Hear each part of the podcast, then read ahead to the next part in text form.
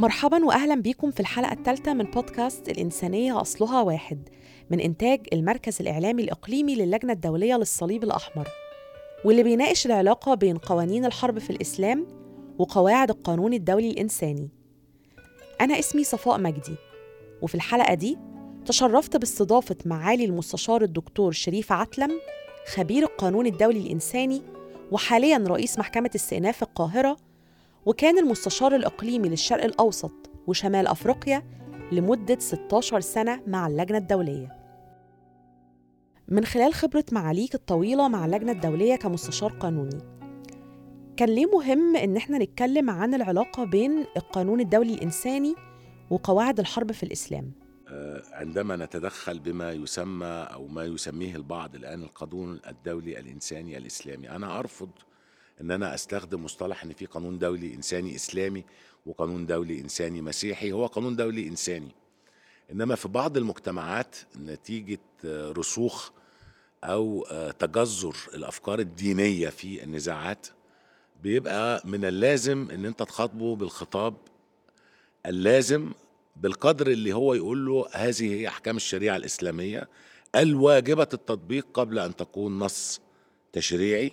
كنص قرآني أو كأحاديث نبوية شريفة أو ممارسات من الصحابة علشان تاخد بطريق القياس كيف كان يتصرف المسلمون إزاء هذه النصوص اللي فيها إلزام أكثر من النصوص الوضعية لأن الجزاء في الشريعة جزاء دنيوي وأيضا في الآخرة.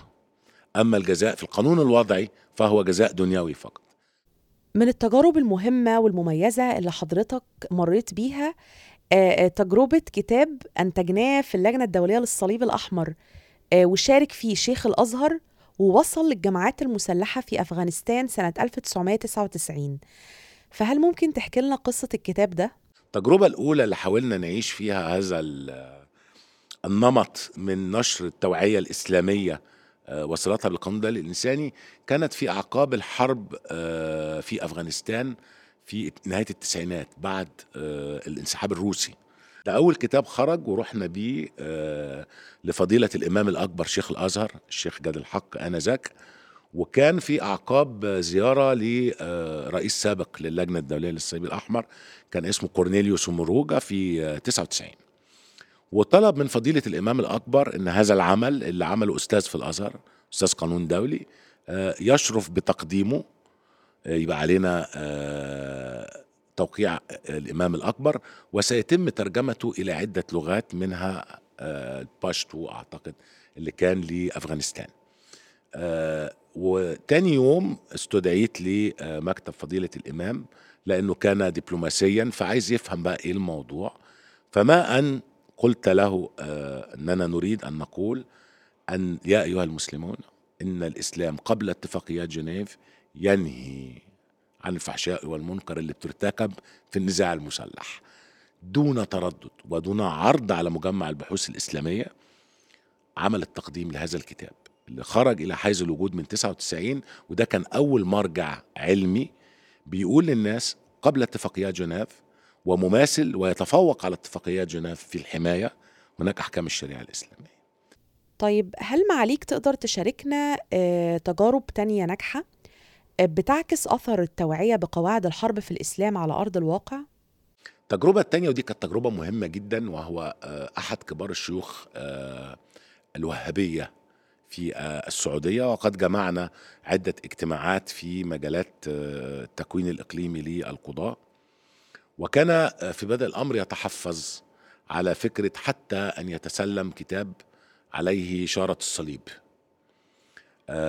وبعد قدر يسير من الزمن زي ما بنقول وشرحت له فكرة الصليب وأنه شكل هندسي وليس الصليب المستخدم في الكنائس وأن القانون الدولي الإنساني لمن لا دين له ولأصحاب الأديان المختلفة. فبادر إلى عمل كتاب. أعتقد أنه هو من أهم الكتب اللي خرجت قدر ما هو معلوماته بسيطة وحجمه صغير لأنه كتيب صغير. هو القانون الدولي الإنساني وتطبيقه على غزوة بدر. تطبيقه على غزوة بدر علشان يقول للناس الأعمال الانتقامية. كان أولى بها رسول الله صلى الله عليه وسلم بعد سنوات من القهر والتعذيب عندما ينتصر. فشوف مسلك الرسول وصحابته عندما حققوا الانتصار. هي دي الروح اللي النهارده مفروض تصدر. وكتب الكتاب في تقديمه قال ما كنت أتخيل أن أكتب تحت شاره الصليب الأحمر ولكني رحبت بذلك. وأشكر آه، المستشار شريف عتلم الذي أقنعني لأننا ما أحوجنا في العالم الإسلامي اليوم إلى مثل هذه الرسائل. طيب من وجهة نظر معاليك ليه مهم دلوقتي إننا نكمل في التوعية وربط القانون الدولي الإنساني بقوانين الحرب في الإسلام؟ ليه إحنا النهارده بنحاول نرجع تاني بهذا الحديث؟ لأن الأحاديث اللي إحنا آه، بنسمعها في مختلف وسائل الإعلام ترشح أن القتال أصبح ما بين المسلمين بعضهم وبعض. فإن كنا نخاطب المسلمين بأحكام اتفاقيات جنيف لقتالهم مع غير المسلمين فما بالنا في القتال بين بني الدين الواحد. فلذلك هنا بتصور الأهمية أكثر.